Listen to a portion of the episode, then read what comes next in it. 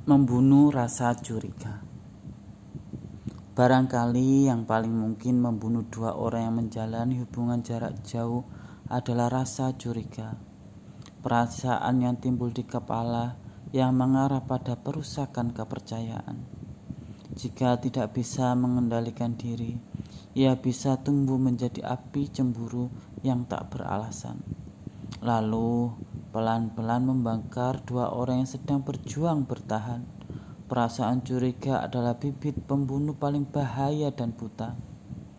Ia butuh dikendalikan dan ditenangkan, lalu dibunuh pelan-pelan. Perasaan curiga yang tidak mampu kau bunuh sering kali akan membunuh dirimu sendiri. Aku menyadari hal itu. Sebab itu aku ingin selalu berhati-hati perihal mencintai kamu kita yang sedang dipisahkan jarak. Sebagai manusia biasa, perasaan curiga itu kadang tumbuh saat kau sedang pergi ke suatu tempat, lalu telat atau lupa mengabari. Di kondisi seperti ini, jika tak mampu menyabarkan diri dan berpikir jernih, sering kali membuat suasana menjadi keruh. Hubungan yang awalnya baik-baik saja bisa saja tiba-tiba menjadi celaka.